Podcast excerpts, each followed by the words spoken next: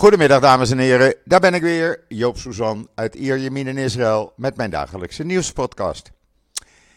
Eerst maar even het weer, want het is vandaag nog weer zo'n dag dat je gewoon in je t-shirtje naar buiten kan overdag. Eh, zeg maar tussen 11 en 4, 11, half 5. En dan eh, koelt het natuurlijk snel af, maar het is wel lekker hoor.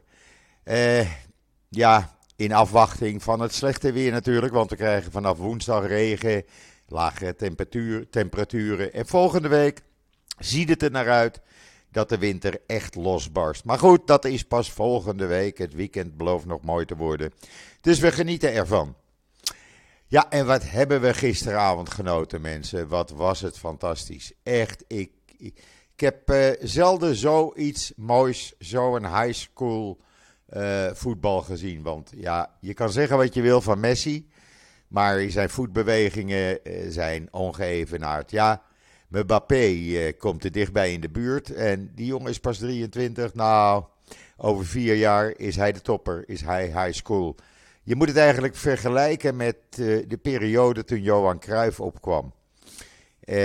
stond ook iedereen versteld. Maar goed, de emir van Qatar heeft de finale gekregen zoals hij wilde. Met verlenging, met strafschoppen. Twee giganten tegenover elkaar. Nou, eh, en dan nog eh, eh, de twee topspelers. Eh, die allebei in zijn, eigen eh, voetbalclub Paris Saint-Germain spelen. Nou, wat wil hij nou nog meer? Laat hij nou eens een keer aan de mensenrechten wat gaan doen. En een normaal land ervan maken. Dan, ja, dan juich ik dat van harte toe. En dan Israël. Uh, ja, goede en slechte berichten. Het is een beetje wisselvallig eigenlijk vandaag. Misschien heeft dat met het wereldkampioenschap te maken. Ik weet het ook niet hoor. Wat me wel opviel trouwens gisteravond. Uh, de mol, die altijd s'avonds hartstikke vol staat, die, dat parkeerterrein. Stond gisteravond nog niet eens voor 20% eh, bezet. Kan je nagaan. Ook in Israël dus.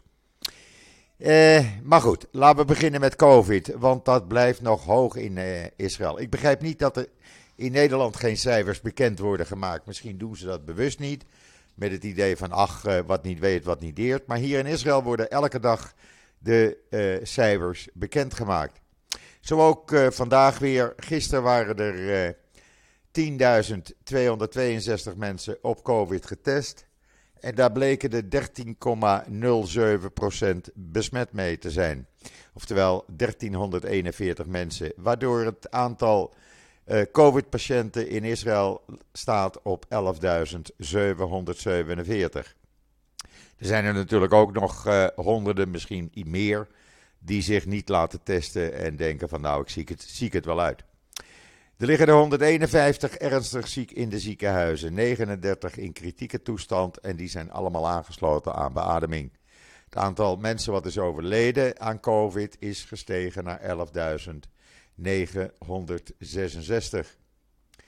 En dan heeft de IDF ook afgelopen nacht weer 13 terreurverdachten uh, opgepakt en munitie en wapens in beslag genomen. Je kunt dat met video allemaal zien op israelnieuws.nl moet zeggen, het, uh, je merkt het wel, want het is, laten we het afkloppen, al maanden rustig op het front. Dus het werkt wel, het systeem. Moeten ze maar mee doorgaan. En dan een artikel op Israël Nieuws of gewichtsloosheid de medicijnen kan beschadigen die astronauten in de ruimte innemen. En natuurlijk is het weer een Israëlische professor van de Hebreeuwse Universiteit die dat ging beantwoorden. En wat het antwoord dan is, ja, dat ga ik niet zeggen. Dat, uh, dat moet je maar lezen op israelnieuws.nl. Maar ze ontwikkelt ook experimenten voor de komende missie van uh, Space IL. De Bereshit nummer 2, die ergens in 2024 of 2025 de ruimte ingaat. Uh, ze heeft een soort ruimtelaboratorium gemaakt, zo groot als een printer. Nou, meer ga ik er niet over vertellen.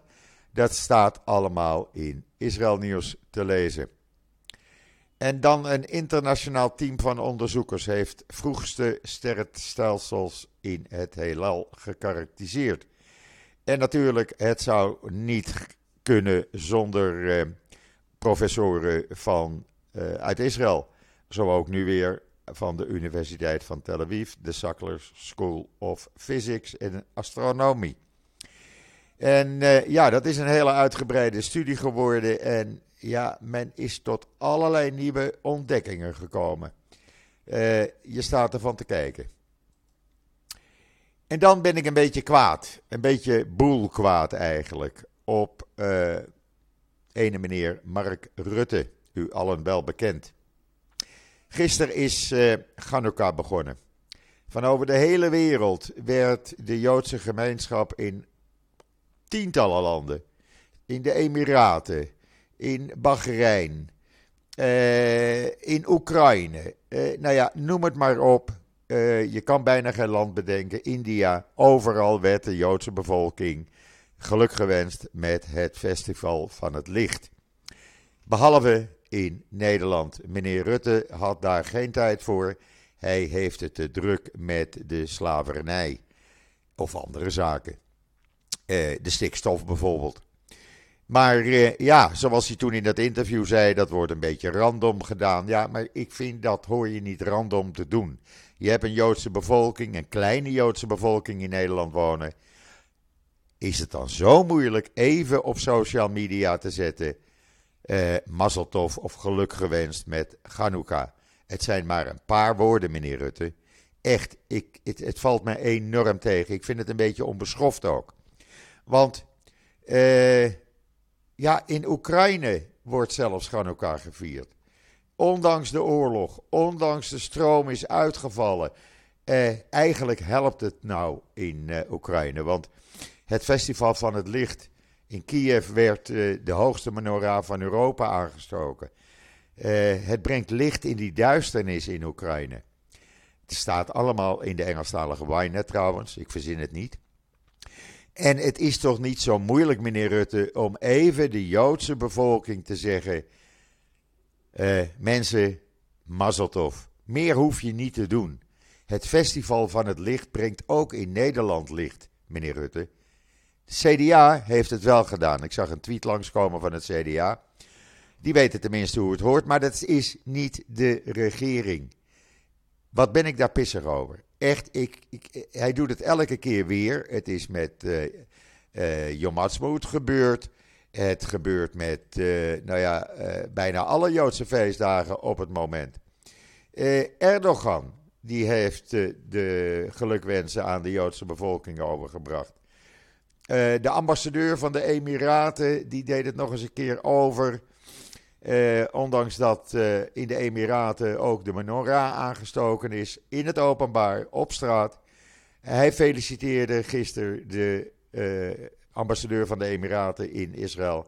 Hij feliciteerde het Israëlische volk, de Joodse bevolking, met Hanukkah. Hoe mooi is dat? Ik vind, ja, Minder kan je eigenlijk niet doen. Het is gewoon onbeschoft. Het getoond. Het toont, naar mijn idee, meneer Rutte. Ik zeg het nou maar openlijk. Het toont weinig respect voor je Joodse bevolking in Nederland. En als je die al niet respecteert, ja, waar kan je dan respect van verwachten? Goed, ik moest dat even kwijt, mensen. Eh, ik kan er ook niks aan doen, maar eh, ja.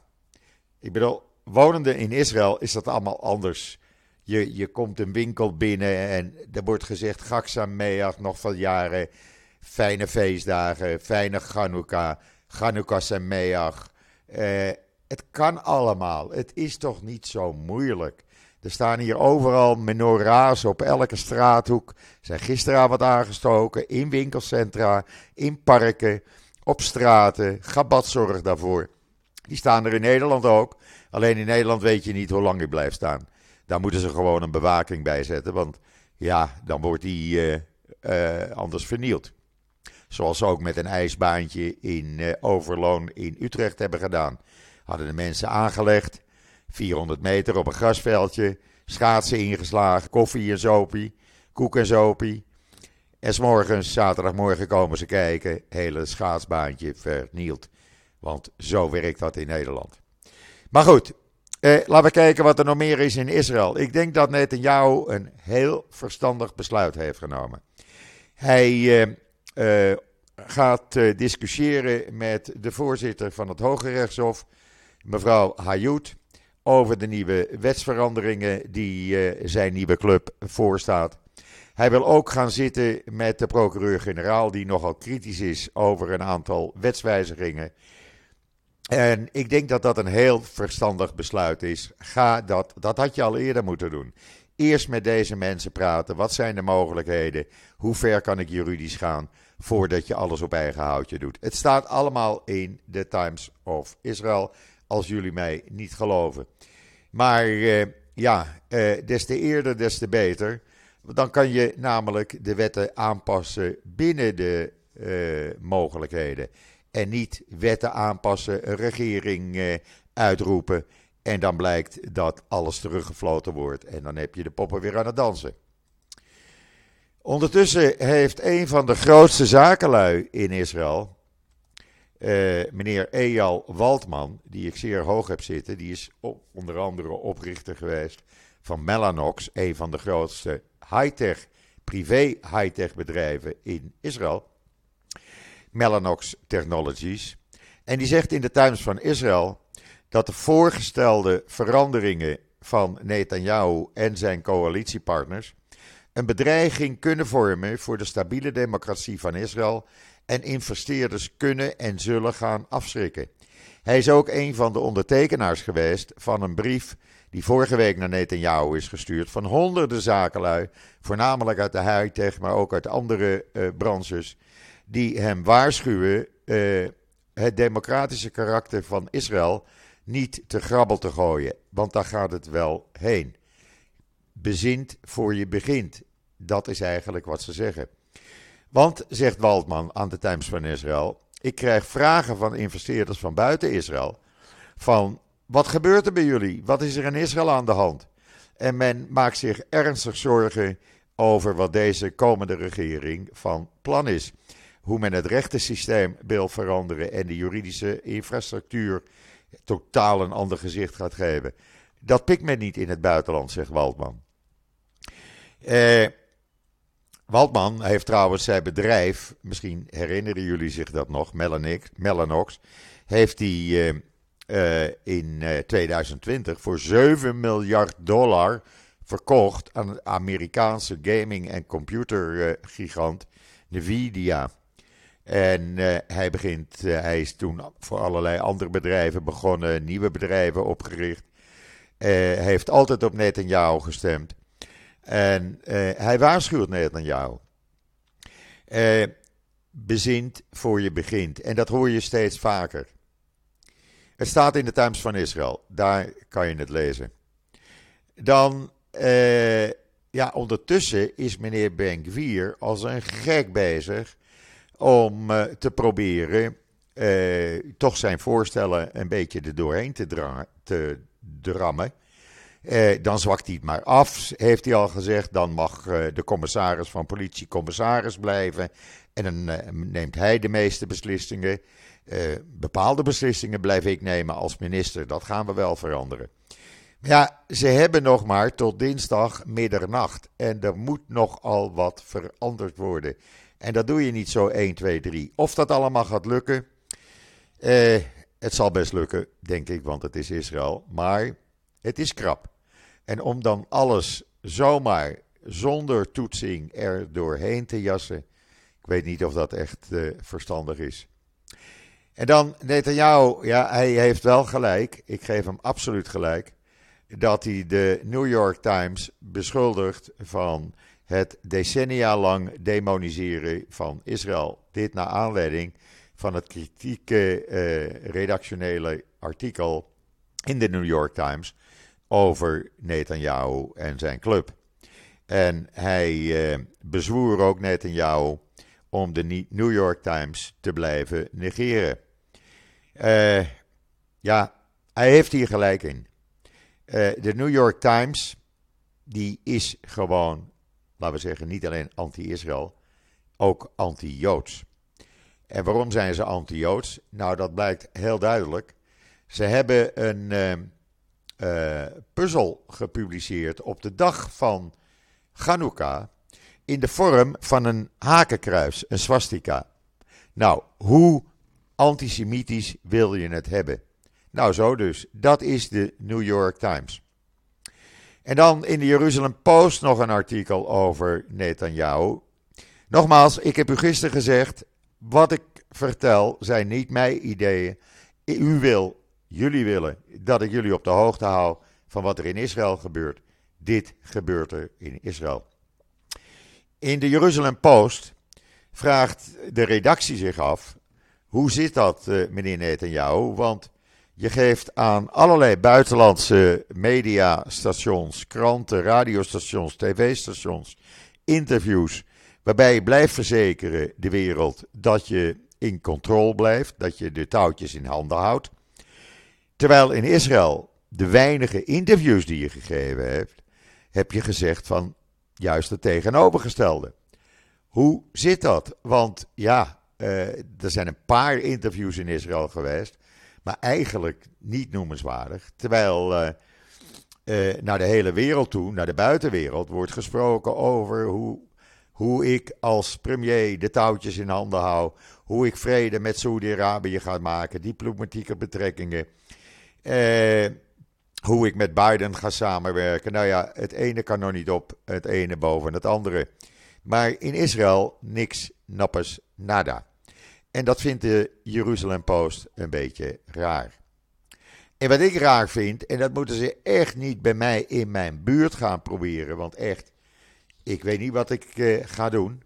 Maar er is een supermarkt in Mea Sharim in uh, Jeruzalem. Nou is dat de ultra-orthodoxe wijk. En uh, natuurlijk, er zijn bijvoorbeeld bepaalde vormen van gendersegregatie zijn legaal, maar de meeste vormen niet. En vooral niet als je als supermarkt gescheiden uren gaat instellen voor mannen en vrouwen. Bijvoorbeeld op vrijdag en de vooravond van de feestdagen komen er in die supermarkt gescheiden uren waarop mannen mogen winkelen en uren waarop vrouwen mogen winkelen. Waarom doen ze dat? Op aandrang van rabbijnen uit de buurt. Hoe ouderwets wil je het hebben. Die mensen leven niet in 2023. Wel nee, die leven nog ergens in het jaar nul of zo. Nou, laten ze niet proberen dat bij mij in de buurt te gaan doen. Want ik eh, sla het bord aan duizenden stukjes. Echt, het interesseert me niet wat er dan gebeurt. Ik vind dit toch wel zo erg. Discriminatie tussen mannen en vrouwen is nergens voor nodig. Iedereen is mens, iedereen is gelijk. Er zijn al jaren in die straten in uh, Mea Sharim en ook andere ultra-orthodoxe wijken in Jeruzalem en uh, Benai Barak, waar borden staan waar vrouwen aan de ene kant op het trottoir moeten lopen en mannen aan de andere kant.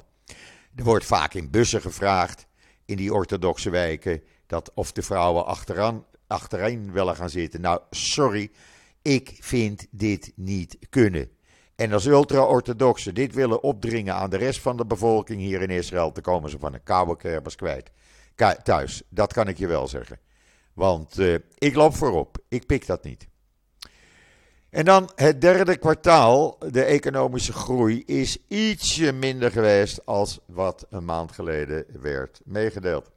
In plaats van 2,1% is het 1,9% op jaarbasis uh, geweest. Nou is dat toch nog veel ten opzichte van uh, veel andere Europese landen. Uh, en waar komt dat door? Dat komt omdat de particuliere consumptie per hoofd van de bevolking is gedaald van, uh, dat was eerst een stijging met 6,9% en nu op jaarbasis maar 4,4% in het derde kwartaal. Um, ja, dan duidt dat erop dat het Israëlische volk de broekriem aan het aanhalen is, alhoewel je dat soms in de winkels niet zou merken. Uh, er wordt hier natuurlijk ook meer betaald aan Elektra. En dat gaat in januari ook weer met 8,6% uh, omhoog. Benzine is duurder. Uh, huisvesting, de huren zijn duurder geworden. Veel hoger. Uh, ja, dan wordt er op andere dingen bezuinigd. En dat kan je allemaal lezen in de Engelstalige Globes. En dan gisteravond, we zaten natuurlijk allemaal naar die voetbalwedstrijd te kijken. En toen, of die zou beginnen. En toen moest die politie van Richon Zion uitrukken. omdat ze een spoedmelding hadden gekregen van een illegaal drugslaboratorium. Zij daar naartoe. Uh, dat werd uh, gemeld met erbij van we ruiken gas. Ja, dan wordt er haast gemaakt. Zij daar naartoe, hele eenheid. En die agenten die vallen dat drugslaboratorium gisteren binnen. En ruimen de boel op. Er was niemand aanwezig. Er was geen lucht van gas. Het was allemaal de cannabis en andere illegale spullen die daar waren. Wat stonk naar gas. Nou, toen hadden ze dat opgeruimd. Toen was het vijf uur. En toen dachten ze: Weet je wat? We willen niks missen van die wedstrijd. Want het is maar één keer in de vier jaar. Is die hele eenheid eerst de wedstrijd op haar gemak gaan afzien. In dat drugslaboratorium. Voordat ze teruggingen naar het bureau. Eh, ja, zegt een van de officieren. Eh, we waren klaar. We de marihuana opgeruimd. En alle eh, laboratoriumspullen. En toen dachten we, weet je wat, hier staan televisietoestellen, wij gaan lekker hier kijken. We waren zo opgewonden over die uh, voetbalwedstrijd, we wilden het niet missen. Nou, ik vind dat ze gelijk hebben, alles kan, doe maar. Staat in de Jeruzalem Post trouwens. En dan meneer Abbas, u kent hem wel, de president van de niet bestaande staat, uh, die door uh, veel wordt geëerd. die heeft de emir van Qatar bedankt voor het gebruiken van de World, Wereldcup voetbal om de Palestijnse zaak te pushen. Nou, als hij daar maar blij mee is. En dan, uh, ja, we zijn er nog niet hoor. Want uh, gisteren, of eigenlijk zondagochtend heel vroeg, waren twee Palestijnse broers. Die waren uh, in de omgeving van Jeruzalem op een van de snelwegen daar hun band aan het wisselen toen ze werden aangereden door een Israëlische automobilist. Ze kwamen daarbij allebei om het leven. Dat is natuurlijk eh, een ernstige zaak. Politie doet daar onderzoek aan. Maar Amerikaanse ambassade heeft gezegd: wij willen weten eh, hoe dat politieonderzoek verloopt. Want we willen weten of daar opzet in het spel was of niet. En anders eh, nemen wij het onderzoek over. over. Ja, dat is een hele ernstige zaak en ik vind dat ook zeer triest wat daar gebeurd is. Ondertussen hebben Hamas en de islamitische jihad opgeroepen om de verzetsaanvallen, heet het, hè, tegen Israël op te voeren. Ze doen dat in het kader van het 35-jarig bestaan van de terreurgroep Hamas. En die uh, oproep deden ze in Beirut. Ja, ze reizen wat af, die gasten. Uh, want daar, eh, ja, daar zetelt eh, Iran en Hezbollah natuurlijk. Staat in de Jeruzalem Post. Dus we kunnen nog wat verwachten. En dan hebben Israëlische onderzoekers, volgens de Jeruzalem Post, eh, de eerste Israëlische nationale inlichtingenbeoordeling gedaan. moet ik even een slokje water nemen. En dat gaat hoe de wereld eruit ziet. Nou, ze vergelijken het maar met, uh, ga er maar vanuit, de wereld bevindt zich op een overgangspunt. En dat kan je vergelijken met het op de rand staan van een klif. Waarna een reeks van crisissen, crisissen tegelijkertijd toeslaan op de planeet. Waardoor het hele aanzien van de planeet, van de technologie, van de economische orde, van de verscheidenheid in een heleboel andere gebieden zoals gezondheid en, en energie zal worden herschikt. Uh, dat ziet er niet echt lekker uit als je dat leest, dat rapport. Maar deze mensen zijn zeer geleerd, zeer serieus. Het zijn acht experts en je kan het lezen in de Jeruzalem Post. De wereld, eigenlijk komt het erop neer, eh, de wereld gaat veranderen de komende tijd. En wat het rapport zei over Israël, uh, ja, ook dat zal een uh, verandering doormaken. Want het is op dit moment een energiezwak land. Dat ergens tussen energie-neutraal of energiesterk in staat. Door onder andere de aardgasfondsen die we hier hebben. Maar er gaat ook hier in Israël een heleboel veranderen. Uh, ja, ik ga het niet verraaien. Ik ga het maar lezen in uh, Jeruzalem Post. En dan Iran. Ja, ze moeten toch wat zeggen tussen al het ophangen van onschuldige demonstranten nu. Ze hebben gezegd dat de Mossad probeerde een netwerk op te richten in Iran, gericht op defensie-industrie. Nou, het zal allemaal best. Wie het gelooft, ik vind het prima. Eh, wees blij mee, zou ik dan zeggen. En dan een Palestijnse man die terroristen eh, naar de aanslagplek had gereden.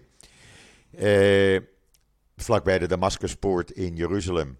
En gezorgd had voor de wapens, heeft levenslang plus 32 jaar gekregen. Bij die aanslag kwam de net in dienst zijnde 19-jarige Hadar Cohen om het leven. Zij kreeg uh, de kogels recht in haar hoofd. En uh, ja, ze was net twee maanden in dienst en overleed. En deze man zit dus de rest van zijn leven vast. Nou ja, hij kan in ieder geval studeren, want dat doen ze wel, die Palestijnen. En dan uh, hebben we nog iets. El Al, die is zijn Dreamliner vloot aan het uitbreiden tot 17 toestellen. Uh, ze hebben er nu 16, ze gaan er nog eentje bij kopen. Uh, ze gaan ook uh, andere toestellen kopen. Ze blijven zich uitbreiden en moderniseren. en dat werd wel eens een keer tijd natuurlijk. Ze hebben op dit moment 12 Boeing 787-9 series en drie 787-8-series. Uh, dan uh, hebben ze nog een aantal andere toestellen. En uh, ja, ze doen het goed. nou vind ik de tickets ook niet goedkoop, moet ik zeggen. Maar goed, dat zal wel dan, dan wel weer aan mij liggen. ik vind andere maatschappijen toch iets goedkoper. En dan een historische missie. Jawel, dat mag je rustig historisch noemen. Wen daar ook maar aan. Israëlische jongeren bezoeken Bahrein om te helpen de water, het watertekort tegen te gaan. Ze gaan samen met Bahreinse jongeren aan workshop werken en proberen die crisis op te lossen. Hoe mooi is dat? Ze zijn daar nu en uh, ja, het kan allemaal. Is toch prachtig? Normaal zoals normaal hoort te zijn. In de Jeruzalem Post kan je dat lezen. En dan uh, heb ik nog een paar dingen voor jullie. Uh, en dan ben ik uh, eigenlijk wel klaar. Want in, uh, Hamas, in Gaza zijn gisteren de acht stoffelijke overschotten begraven. Van de acht Gazanen die twee maanden geleden verdronken toen ze met een vluchtelingenschip probeerden Europa te bereiken. En dat schip zonk voor de kust van Tunesië. En duizenden mensen woonden die begrafenis gisteren bij. Acht jonge Palestijnse mannen. En ze beschuldigden Hamas ervan. Uh, van alles wat daar fout is. En dat zij schuldig zijn omdat zij geen leven geven aan de mensen in Gaza. Waardoor de mensen, jongeren vooral, proberen Gaza te ontvluchten. Ze hebben alleen maar oog voor terreur en niet voor de bevolking. Kijk, zo wordt het eens een keer goed gezegd. Goed, dat brengt mij tot het einde van deze podcast alweer. Het is toch weer een half uur geworden, mensen. Het is eh, nog steeds lekker weer. Het is 25 graden, zo voelt het aan op dit moment. Maar nogmaals, wees niet bang. Uh, vanaf uh, morgenavond en de nacht van dinsdag op woensdag heel veel regen. En dat is dan een beetje de Israëlische winter. En dan de temperatuur op 18 graden. En ik heb stiekem gekeken voor volgende week. Dan hebben we zelfs nachten erbij met 5, 6, 7 graden. Dat is wel koud hoor. Ik zei wel gisteren, ik vind het wel leuk af en toe koud uh, te hebben. Maar ja, dan moet je er ook op gekleed zijn. Als je dat in Nederland, uh, dan in Nederland woont, dan doe je dat natuurlijk. En hier in Israël. Het is allemaal maar behelpen. Maar goed, we zijn erop voorbereid. Ja, dan uh, zonder voetbal voorlopig. Dan wens ik toch iedereen een hele fijne voortzetting van deze maandag, de 19e december toe. Eh, probeer in te halen wat je gemist hebt op televisie. Ik ben er morgen weer en zeg zoals altijd: tot ziens. Tot morgen.